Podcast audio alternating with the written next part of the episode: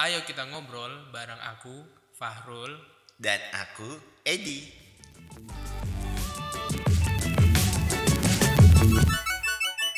Halo pendengar semua yang masih nungguin episode kita yang terbaru. Kita belum ketemu nih nama pendengar dari podcast kita ngobrol ini. Mungkin bisa nanti ada ide dari kalian. Alhamdulillah ini kita mau sudah episode berapa mas? Udah episode masuk eh masuk masuk ke episode 3 dan ini kita tagnya tiap hari Jumat dan insya Allah kita akan rilis hari Minggu, Minggu. sore kayaknya. Jadi Iya. ditunggu aja tiap hari Minggu sore. Ya kita doakan terus Mas Edi agar sehat dan bisa tepat waktu untuk publishing. Makasih loh. Iya sama-sama. Iya, karena saya yang ngedit, Bapak yang cari eh, materi tapi nggak cari-cari materi juga ya. Ya kan kita kerja sama. Enggak, Nanti kalau kita keteteran kita ambil ang- anggota baru kayaknya. kan harusnya tektokan ya. Udah ada job-jobnya. Oh, Aku iya. yang ngedit, kamu yang cari materi. Iya tapi kan aku cari eh, materi juga mas. Enggak. Ya Ganti-gantian. daripada kita bahas yang nggak penting, ya kita udah langsung masuk aja deh. Ya. Jadi kalau kalian masih pada ingat, ini untuk berita update-nya ada anak anggota DPR di suatu daerah, saya lupa di mana. Betulan ini saya lupa di mana.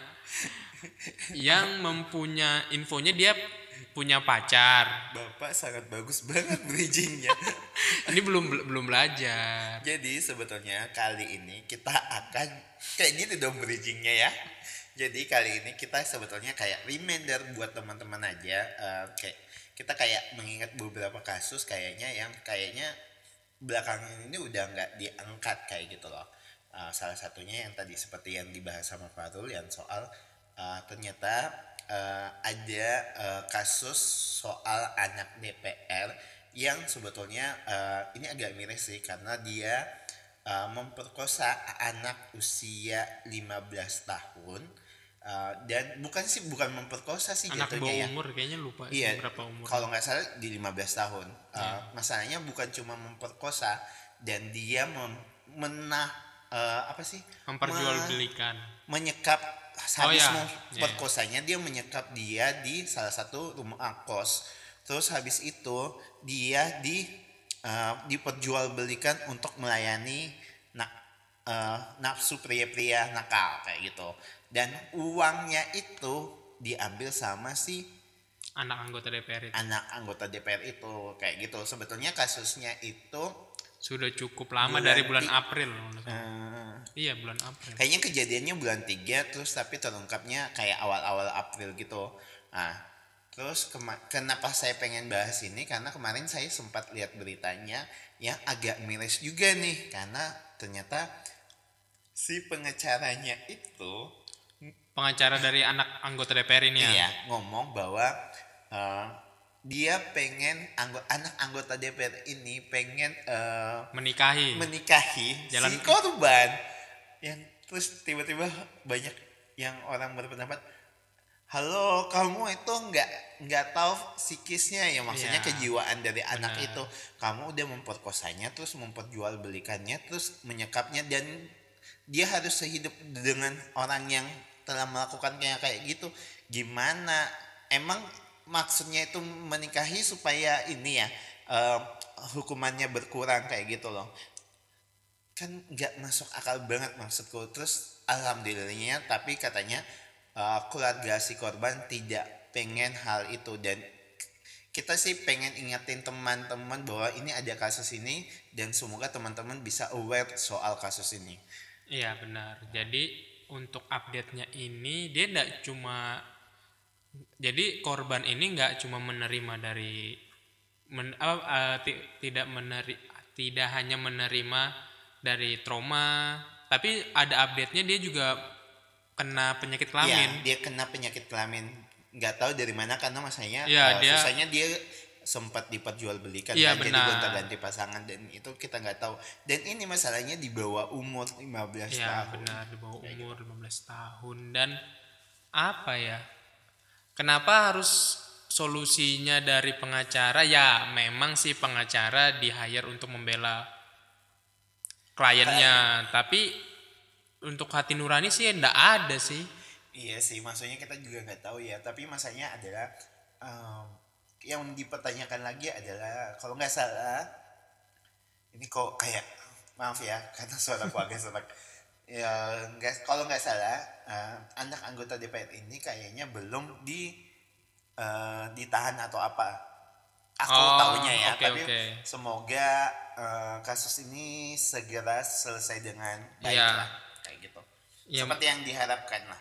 Ya, ya kita harap mungkin penegakan hukum juga nggak tebang pilih lah, karena dari beberapa mungkin kalau kita bisa flashback, kalau ada berita-berita seperti ini yang berhubungan dengan orang penting atau atau ada sangkut pautnya orang penting tersebut yang melakukan kesalahan, eh, polisi atau isi lop ini ya terkesan lamban lah.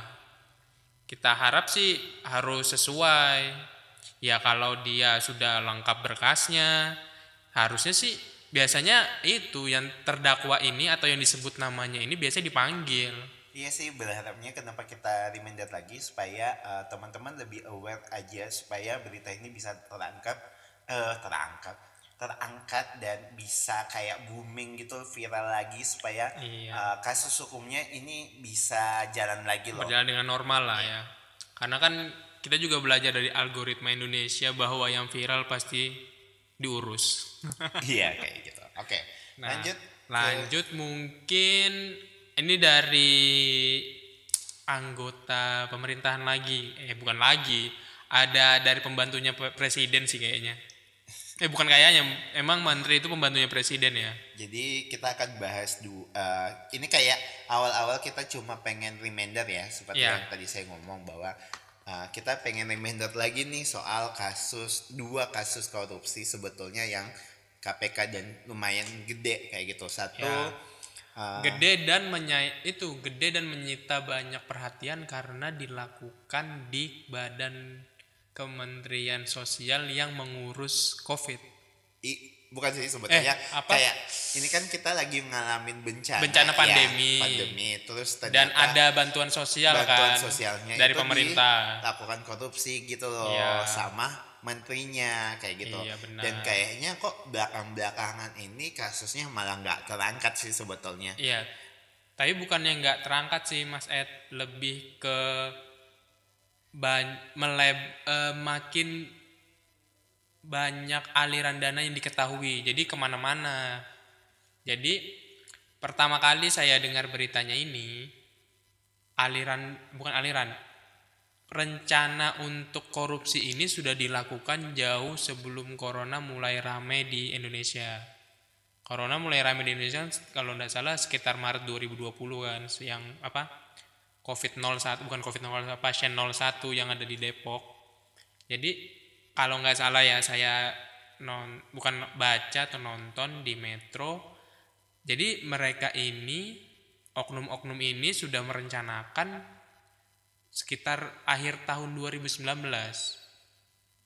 Jadi mereka sudah ya sistematis sih ya sistematis mereka melakukannya dan meskipun nominalnya kecil kan infonya itu diambil 10.000 per bantuan sosial. Tapi kalau dikalikan dengan banyaknya jumlah bantuan sosial yang digelontorkan untuk rakyat ya cukup banyak dan ini dan ini juga kena ke salah satu partai besar juga sih.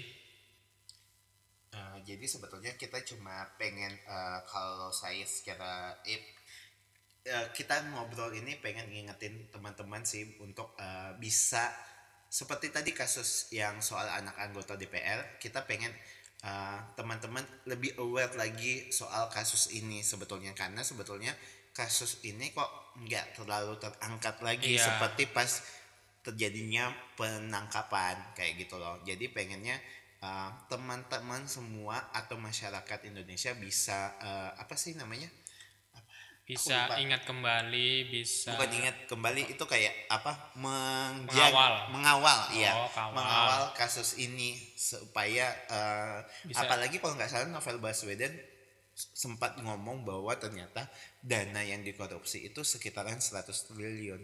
Wow. Itu banyak banget kan? Banyak. Ya udah itu kita kita lanjut ke kasus yang kedua di KPK kalau nggak salah ini saya juga ada kurang- juga sih da- dari kementerian juga ya iya Kementerian Kelautan jadi benih lobster ya Iya. yang dikorupsi. Jadi kan Menteri Kelautan sebelumnya kan diganti nih dari Ibu Susi sel- selanjutnya digantikan oleh Pak Edi Prabowo. iya Ya, yang sama dengan namaku ya iya. Nah, jadi Pak Edi Prabowo ini sebagai Menteri Kelautan yang baru me- membebaskan lagi nih benih lobster ini boleh di di, di apa sih? Ekspor ya? eh iya ekspor. Boleh Di- di- dijual keluar. dijual keluar lah intinya. Karena kan kalau Bu Susi kan kemarin melarang supaya eh, rakyat Indonesia bukan rakyat Indonesia pengusaha Indonesia yang mengelola sendiri. Jadi kalau Bu Susi itu jadi kayak eh, eh, eh, menteri sebelumnya itu eh, kalau bisa harapannya eh, benihnya itu jangan dijual dulu. Iya. harusnya tunggu sampai betul-betul dia jadi lobster baru itu dijual. Karena sebetulnya kenapa kayak ngejaga dulu lah naik harganya ting lebih tinggi baru kita jual kayak gitu sebetulnya prinsipnya. Tapi ternyata ini udah diperbolehkan oleh kementerian Iya. eh, menteri yang baru kayak Menteri gitu. Eh, yang Pak Edi ya. Nah, jadi sebetulnya jadi kayak curiga gitu. Dan ternyata setelah diusut-diusut ternyata di situ ada eh, kasus kor- korupsi Iya. yang sekarang pun kalau saya boleh bilang kasusnya ini kok kayak udah mang- kayak kalau kita mau bilang mangkrak sih sudah bisa kita bilang mangkrak. Karena sudah dari akhir tahun nggak kemarin nggak ada nggak ada kelanjutan. Nggak ada sama kayak tadi ke expose beritanya cuma kayaknya awal-awal pas penangkapannya aja Iya. tapi kok kebelakangan sini nggak ada beritanya Ya, lagi benar. soal gimana kelanjutannya kayak gitu dan pengennya ya ini dikawal kayak gitu Ya, kita tiga berita lagi. ini pengennya uh, kita mengingatkan ke teman-teman untuk uh, sama-sama nih Ya. dikawal kayak gitu loh karena ini lumayan tiga kasus ini lumayan uh, lumayan besar lah menurut kita tapi Ya. uh, pengennya juga kalau misalnya ada teman-teman tahu soal kasus-kasus yang lain boleh Ya. lah dikawal apalagi sebetulnya uh, kenapa aku takutnya gini loh dua kasus korupsi yang berhubungan KPK ini akan ketutup dengan kasus yang kemarin kita bahas Ya, soal yang benar. 75 kayak gitu loh Ya, ya, makanya kan jadi sebenarnya kalau kalau mau kita track back ke belakang, kita nyebutin kasus ini kan sudah cukup bukan sudah cukup lama ya, sudah terekspos lalu tapi tidak ada update dan ada lagi berita bahwa petugasnya yang mengawal atau melanjutkan pekerjaan untuk mengungkapkan kasus korupsi ini diperlambat. Ya tambah lambat-lambat lagi jadinya Iya. yang kita takutkan kemarin tuh malah kalau misalnya sampai ganti anggotanya bakal ngulang lagi dari awal Iya, d- Kayak kita kita malah mikir bakal tidak maksimal itu makin lama kayak gitu loh dan takutnya kalau misalnya kasus ini makin lama sebetulnya eh, makin berlarut-larut takutnya malah nggak maksimal gitu loh ya benar. hukuman yang diberikan. Ya ya kita sih harap sih memang di luar sana banyak kasus-kasus tapi yang kasus-kasus yang seperti ini yang sampai sempat men- menyita perhatian publik ya sebaiknya dipertanyakan kembali bagaimana update-nya bagaimana progresnya dan bagaimana penyelesaian pemerintah untuk kayak apa sih ini? Ada kasus nih jangan sampai kita kelupaan lah. Anggapannya lupa lah ya karena saking banyaknya kasus yang dihadapin. Dan kita masih mempercayakan eh, kita masih percaya. bahwa eh, Emang, ya bukan- pihak berwajib bisa, Bisa, mengusut tuntas kasus ini dengan eh, selesai kayak gitu. Ya. oke. Dan ini Eh, udah lumayan berat kita kembali ke yang yang agak ringan ya mungkin Ini ini jadi agak agak terbata-bata kita ngomong karena takut menyampaikan salah tapi menur- menurut kita dan artikel be- beberapa artikel yang kita baca ya itu memang harus eh memang belum ada update beritanya. Maksudnya aku juga sempat cari kan, tapi kok update beritanya itu malah yang eh, 30 Maret gitu eh, bulan Maret gitu terakhir. Oh terakhir artikelnya Iya. gitu ya. Iya, makanya ini kok jadi pertanyaan sebetulnya makanya kita pengen ngangkat ini. Oke, Ro. dari ini udah berat kayaknya Yang bukan agak ringan ya. Mungkin yang bisa buat agak happy nih. ini agak happy. Iya. Apalagi khususnya buat warga Balikpapan. warga Balikpapan. Jadi ya banyak sudah eh, beritanya ini. Jadi Tek- Telkomsel sebagai salah satu provider di Indonesia, Yang terbesar.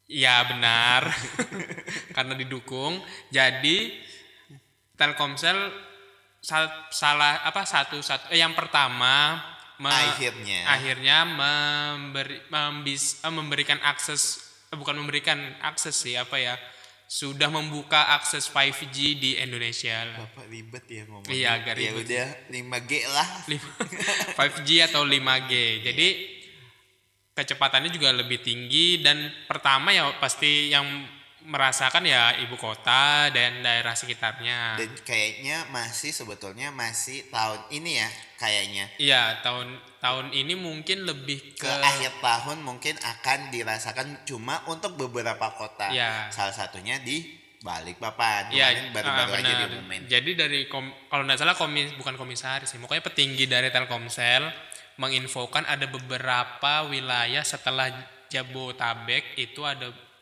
Medan, Balikpapan, Surabaya, dan Solo kalau Solo kalau nggak salah dan lain-lain ada kok di artikelnya di Telkomsel IG-nya juga ada.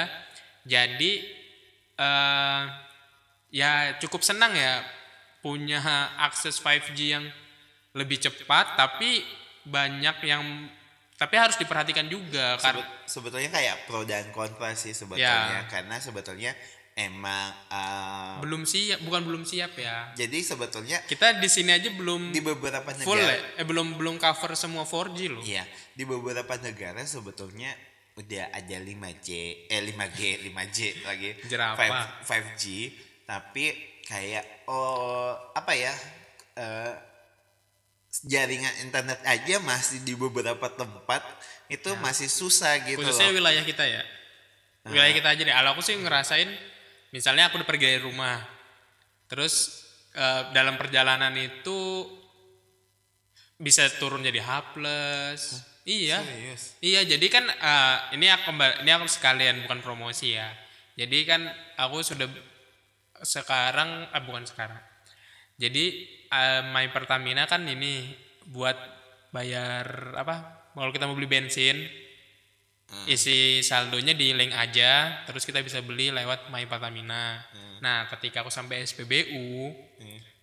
jaringanku yang dari rumah itu 4G sampai SPBU itu jadi H plus ya pokoknya dalam perjalanannya lah. Jadi nggak nggak cover seluruhnya. Kayaknya di HP Bapak sih. Kalau aku masih ke kafe semua sih, Ah, enggak sih. Aku ngerasa sih eh, emang nggak nggak seluruhnya. Dan daerah-daerah kita juga nggak seluruhnya 4G sih. sebetulnya eh, harapannya kita eh, ini kan sebetulnya kita masih ber, eh, apalagi ini kan mas, masa pandemi ya. Iya. Jadi sebetulnya ada ada yang berbeda apalagi buat eh, teman-teman eh, di dunia pendidikan dan kerja sebetulnya yang sekarang mau tidak mau harus menggunakan namanya internet. Iya. Sedangkan em, beberapa wilayah sebetulnya masih ber, eh, masih kesulitan untuk dalam mengakses internet.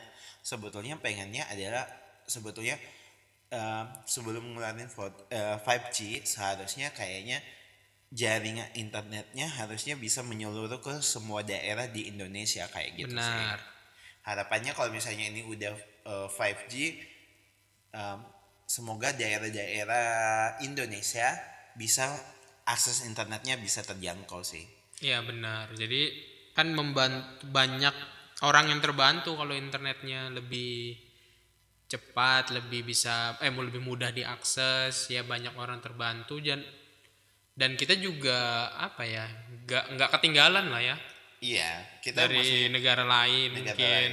Tapi sebetulnya kalau aku ya, pat- eh, lebih fokusnya adalah eh, internet itu bisa diakses di mana pun sebetulnya kayak gitu loh. Iya benar. Jangan sampai kayak kan sempat ada berita-berita berita-berita beberapa pelajar yang harus dia naik ke gunung untuk mendapatkan akses internet. Ya yang baru apa? Yang kemarin apa? Sekolah online ya? Iya, banyak banget. Bahkan kayaknya ada yang sampai meninggal gitu loh karena Oh, dem- itu ya. iya karena maksudnya terjadi kecelakaan karena dia kayaknya harus ke mana gitu Ya menca Ya. susah cari sinyal, bener. Ya, aksesnya juga agak susah kayak gitu makanya ya semoga eh, ketika Indonesia udah 5G eh, internet di daerah eh, internet bisa di dapat di dengan daerah mudah. mana aja. Ya, dengan Kayak gitu. mudah dan murah. iya. Mudah dan murah. iya. Dan kayaknya kalau udah 5G berarti kita ganti HP iya sih bener. Karena ya ini mau informasi tambahan ya. Kan untuk uji, ini sih ma- memang masih uji coba sih. Jatuhnya bukan ril- rilis sudah bisa dipakai untuk semuanya ya jadi masih uji coba dan tidak semua HP 5G juga nih Iya, makanya kayaknya kalau teman-teman pengen mencoba eh, apa? eh, Jaringan- nanti jaringan, jaringan 5G, 5G. harus lihat HP-HP pendukungnya apa aja karena eh, ada beberapa misalnya kayak HP-nya bisa 5G tapi belum tentu ya benar kayak gitu loh. Belum Ya. tentu terkoneksi dengan eh, 5G Indonesia kayak gitu. ya jadi kalau mau beli dicek dulu jaringannya. Kalau nggak salah Oppo Reno 5 5G itu belum bisa tapi ada update softwarenya. Kalau nggak salah sih. Sponsor ya. enggak sih.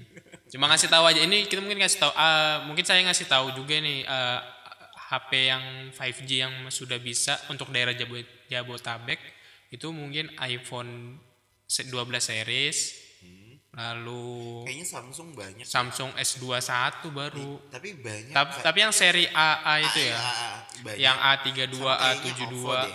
ya Oppo Oppo bukan Oppo Oh iya, Vivo Oppo, mungkin Oppo sama Vivo, X series yang baru itu juga sudah 5G sudah bisa. Tapi kayaknya untuk Xiaomi ini kayaknya eh Poco deh. sudah bisa deh. Poco yang Iya, bet. F3 Pro. F3 Pro itu kan. Iya. Tapi sempat sebelum dirilis itu sempat katanya isunya nggak bisa, tapi ternyata Sebenarnya itu eh ini. Sebenarnya ini prosesor yang baru itu sebenarnya prosesor yang baru itu sudah mendukung konektivitas 5G. Cuma dari software itu di lock karena kan memang di Indonesia belum tersedia. Jadi percuma juga. Jadi pas sudah tersedia, nah itu di unlock. Kayaknya tunggu tunggu 5G. Iya, tunggu lebih baik nunggu sih. Iya, lebih baik nunggu 5G di seluruh Indonesia aja supaya nggak keburu ini loh eh, beli Beli gadgetnya tapi belum bisa dipakai. Iya, kayak gitu loh. Dan kayaknya kita ini kan masih uji coba ya. Ya, Jabotabek masih uji coba. Oke, lanjut ke berita selanjutnya. Kok berita sih? Nggak berita ya, hal trending sih atau Iya. hal viral. Hal yang pengen kita bahas. Ini pertama kali yang bikin rame ini nih kalau nggak salah Ernest.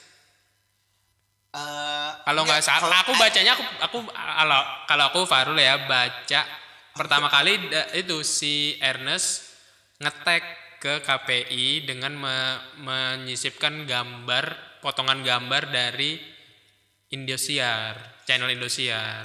Iya, sebetulnya ada ini sih. Ada Eh, beberapa kayak- sumber. Kayaknya ada beberapa sumber, tapi kayaknya Ernest yang agak aware, Lebih concern dia. concern dan agak dia kan punya masa ya. Jadi mau tidak mau pasti pasti dilihat sama semua orang kayak gitu loh. Ya, Ini kasus adalah kasus Zahra sih kita nyebutnya ya atau semuanya hashtagnya hashtagnya Sahra sih. Sa S. Set set set. Oh Z. Sahra. Zamrud Zamrud. sama iya jadi sebetulnya kasus ini adalah sebetulnya ini adalah salah satu sinetron yang untuk ibu-ibu sih sebetulnya judulnya itu suara hati eh Suara hati istri. suara ha- su- ah, Ini suara hati istri kalau nggak salah ya. hati istri tapi apa gitu dan Ya. uh, salah satu pemerannya itu namanya Sahra sedangkan Itu Sah- nama nama aktor aktrisnya atau oh nama perannya. nama perannya dan sedangkan uh, kasusnya itu kenapa terangkat banget karena sebetulnya Sarah ini adalah kok kayak cerita ya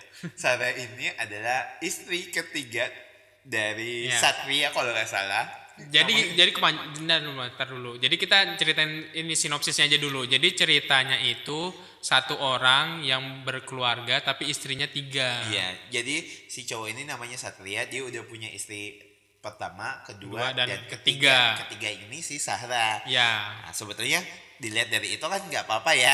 Nggak apa-apa. Nggak Sementara apa-apa. itu masih nggak apa-apa. Tapi setelah ditelisik Nah, ditelisik ternyata Sahra ini adalah anak di bawah umur. uh, pemerannya ya. Pemerannya ini itu anak di bawah umur. Anak di bawah umur masih 15 tahun. Oh gitu. Iya, jadi kayak kayak mempertanyakan kok eh, anak usia 15 tahun Memerankan memerankan eh, seorang istri yang kayaknya udah dipoligami yang memerankan istri juga- ketiga lagi. iya kayak kayak- kayaknya judulnya kayak gimana gitu dan makanya itu itu yang membuat kayak trending kayak gitu loh Eh, dan Ernest kayaknya eh, aware juga akan Ernest dan yang lainnya kayaknya. ya yang lainnya aware dengan hal itu Ya, mungkin karena ini juga Mas. Apa sih namanya?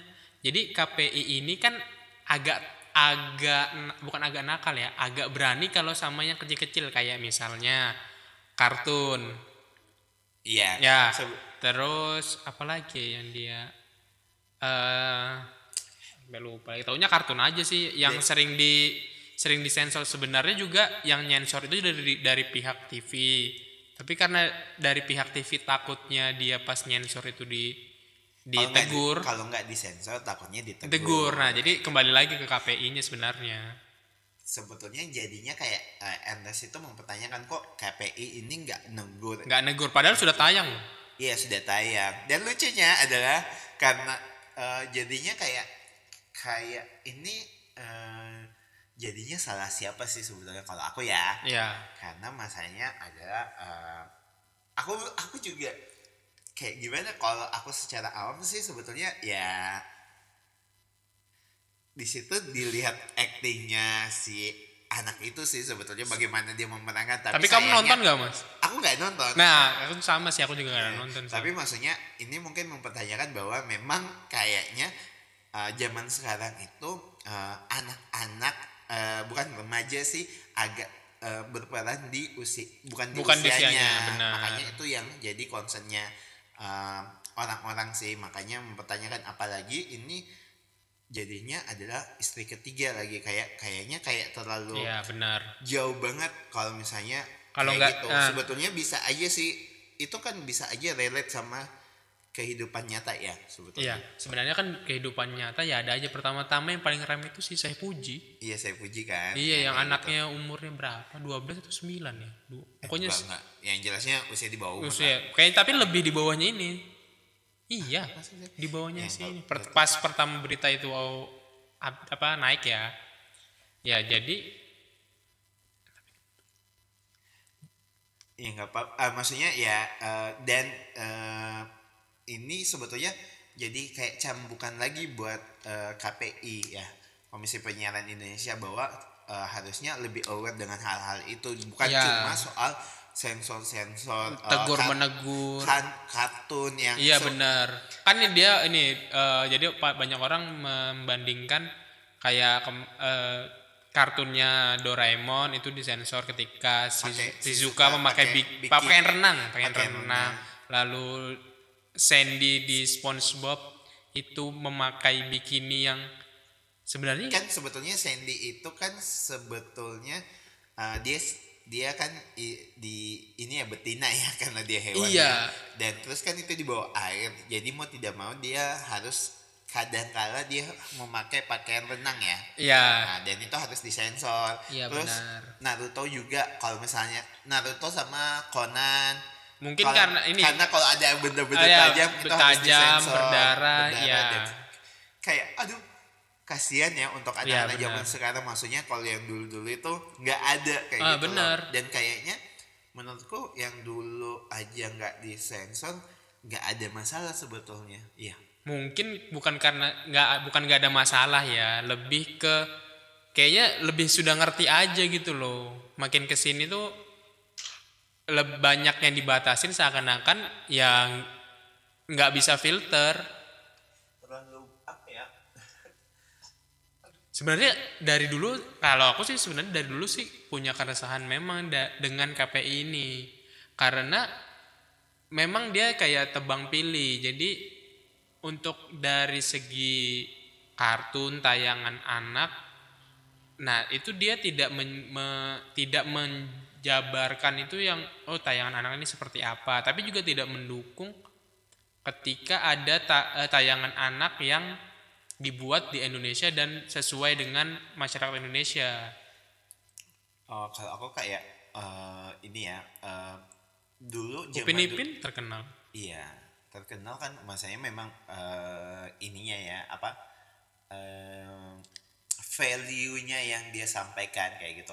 Sedangkan Iya. kalau aku merasa ya kayak pengen di zaman waktu aku kecil Ya, waktu kita kecil ada lah. sensor dan sebagainya dan sebetulnya kayaknya kenapa KPI lebih aware dengan hal-hal itu karena kayaknya tingkat eh apa tingkat eh, apa sih namanya kasus untuk anak itu kayaknya tinggi dan kayaknya anak-anak zaman sekarang ini eh, nggak bisa memfilter eh, Iya, dianggap nggak bisa memfilter kalau iya, aku sih. iya jadi kalau sih apa sebenarnya- yang dia lihat ya udah dilakuin kayak dikerjakan. gitu kalau kalau kalau kayak dulu zaman kita zaman aku masih Iya. kecil kita itu nonton ya itu cuma sekedar hiburan nggak akan Iya. kita lakuin Nggak dicontoh Kalau- juga. nggak akan dicontoh dan nggak kalau saya yang pakai lunak nggak ya kayak nggak nafsu juga kayak gitu loh Iya bener. Nah ya kita sih berharapnya KPI gimana ya bisa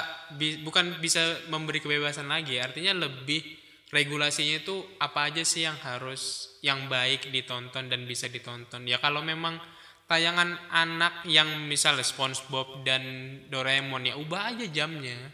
iya jamnya sama sebetulnya kalau nggak salah sih ada kartun kart- anime baru My Hero Academy itu juga disensor Nah, itu di RTV kalau nggak salah. iya karena memang apa itu Karena memang sih. pertarung apa pertarungan perkelahian memang berkali kalau aku lihatnya tadi beritanya karena eh, memang salah satu Oh salah satu itu karakternya. karakternya memang agak terbuka kayak gitu. Oh, gitu. Eh, Ya kalau di Dragon Ball kan juga sempat di bulut kan kalau ke lain. Iya, jadi hitam putih. Pertama kali saya kira TV-nya yang rusak. Ternyata memang dari sananya diubah hitam putih supaya darah.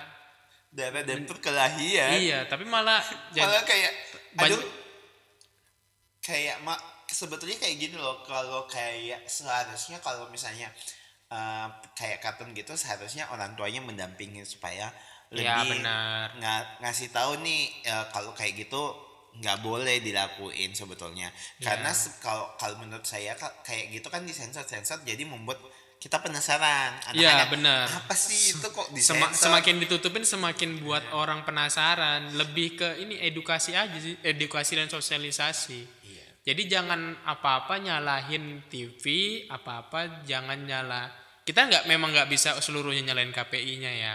Mungkin peran orang tua di rumah jangan ngebiarin anak nonton sendirian atau ya lebih lebih ada ini kategori tayangan kan ada yang BO, kategori SU. itu kan udah ada tapi Ya. sebetulnya uh, orang tua atau kakak-kakak yang lebih udah dewasa bisa mendampingi adik-adiknya kayak gitu loh kalau misalnya nonton aku Iya, masih benar. mengingat bahwa kalau hari minggu aku pagi udah nongkrong di depan TV Bener, karena itu sudah jadwal Jadwalnya kartun dari sampai pagi siang, sampai kan? siang, bener. Iya, kayak gitu udah kayaknya oh ya ini tinggal satu lagi yang terakhir ya kita pengen bahas Iya.